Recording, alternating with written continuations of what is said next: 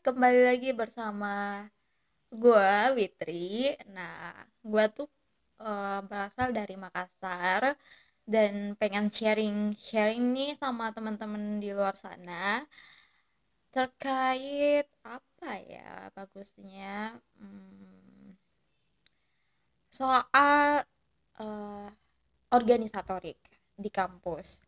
Jadi uh, menurut gue pribadi sih kalau organisatorik itu sesuatu hal yang sangat uh, wajib untuk uh, di di uh, di apa ya uh, dimilikin. Jadi jadi gini dimilikin dalam artian kita memiliki pengalaman di uh, dalam organisasi tertentu.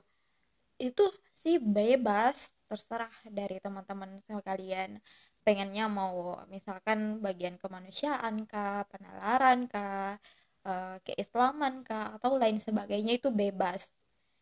Nah, jadi organisasi ini nggak semata-mata melulu soal uh, berbau dengan hal yang negatif misalkan rapat sampai tengah malam berbaur dengan segala uh, dengan semua uh, uh, gender yang setara seperti itu nggak semua hal itu adalah negatif.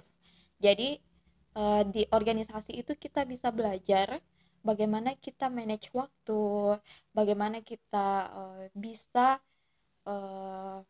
apa namanya bisa lebih terbuka open minded kepada orang kepada teman-teman dan orang-orang di sekeliling kita, bagaimana kita menghargai atau memahami yang uh, artinya uh, soal toleransi dalam segala aspek apa pun itu.